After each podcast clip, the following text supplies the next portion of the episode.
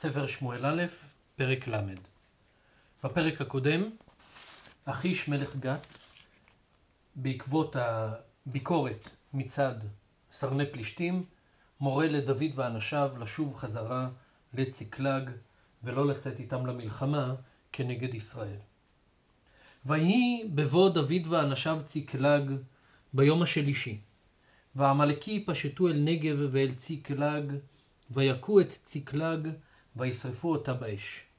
וישבו את הנשים אשר בה מקטון ועד גדול, לא המיתו איש. וינהגו, וילכו לדרכם. שלושה ימים עוברים מאז שדוד ואנשיו יוצאים מציקלג, והם חוזרים חזרה אל העיר שלהם, העיר שהם קיבלו מאחיש מלך גת, והם מגלים שהעמלקים פשטו על העיר, היכו אותה, כלומר הרסו אותה, שרפו אותה באש ולקחו בשבי את הנשים מקטון ועד גדול.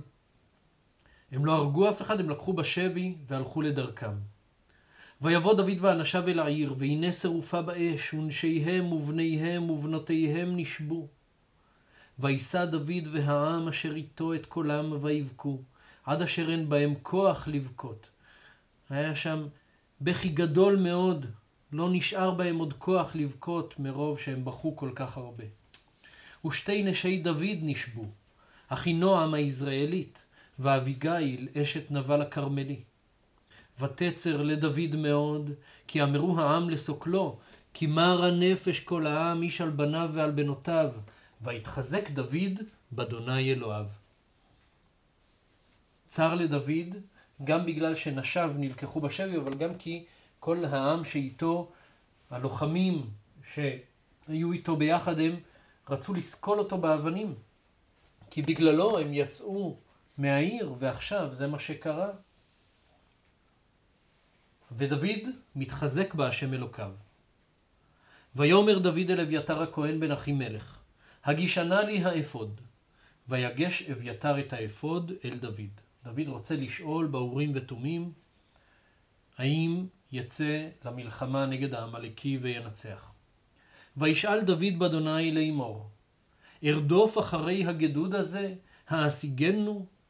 ויאמר לו, רדוף, כי השג תשיג והצל תציל. דוד שואל, האם אני ארדוף אחרי הגדוד הזה? האם אני אשיג אותו?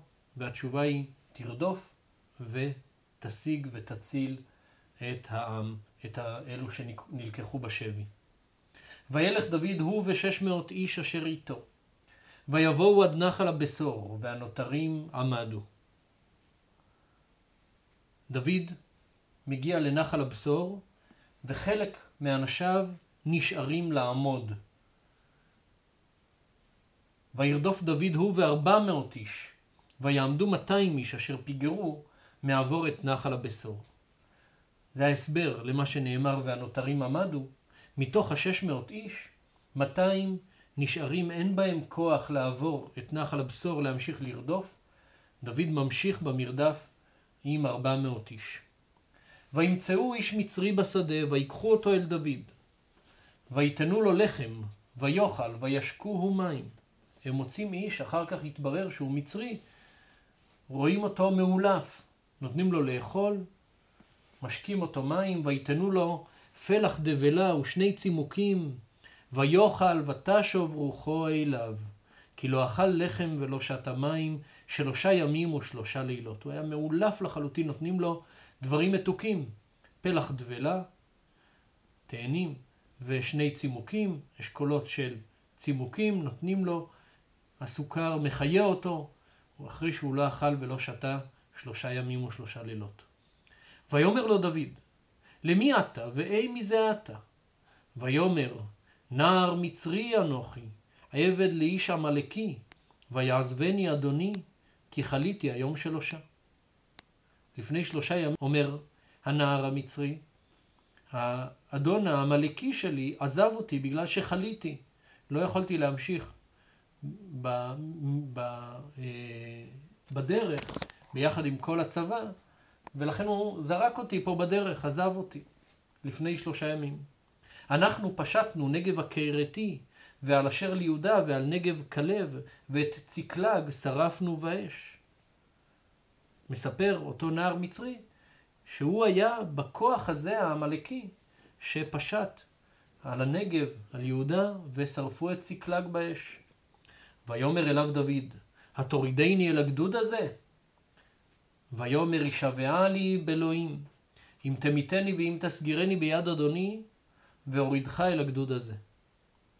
הנער המצרי משביע את דוד שלא יהרוג אותו ושלא יסגיר אותו לאדון העמלקי שלו, ובשכר זה הוא מוכן להראות לדוד איפה נמצא הגדוד שלקחו בשבי את הנשים ואת הילדים. ויורידהו, והנה נטושים על פני כל הארץ, אוכלים ושותים וחוגגים בכל השלל הגדול, הגדול אשר לקחו מארץ פלישתים ומארץ יהודה. דוד רואה את העמלקים נטושים, כלומר מפוזרים על פני כל הארץ, הם חוגגים את השלל הגדול שהם לקחו, אוכלים ושותים וחוגגים. ויקם דוד מהנשף ועד הערב למחרותם. ולא נמלט מהם איש כי אם ארבע מאות איש נער אשר רכבו על הגמלים וינוסו. מערב עד ערב דוד מכה בהם. חוץ מארבע מאות רוכבים הם כולם נהרגים. רק ארבע מאות רוכבי גמלים הצליחו לברוח. ויצל דוד את כל אשר לקחו עמלק, ואת שתי נשיו הציל דוד. ולא נעדר להם מן הקטון ועד הגדול ועד בנים ובנות ומשלל ועד כל אשר לקחו להם הכל השיב דוד.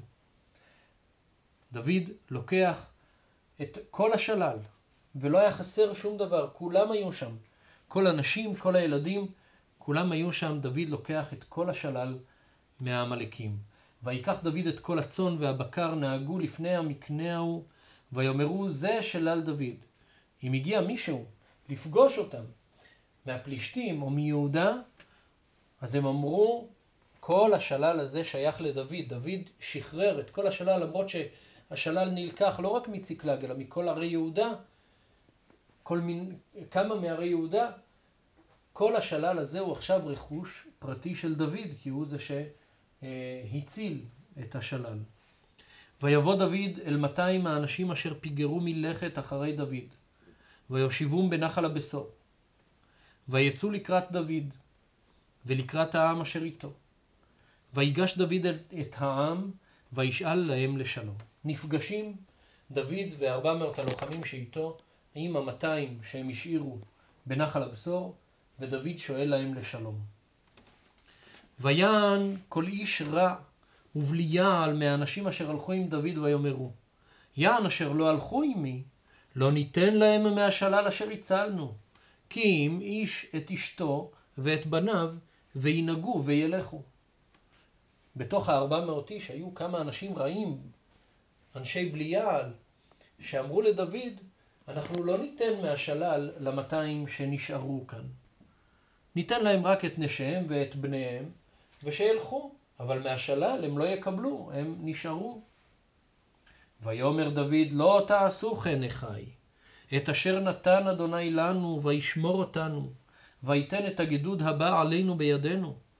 ומי ישמע לכם לדבר הזה? כי כחלק היורד במלחמה, וכחלק היושב על הכלים, יחדיו יחלוקו.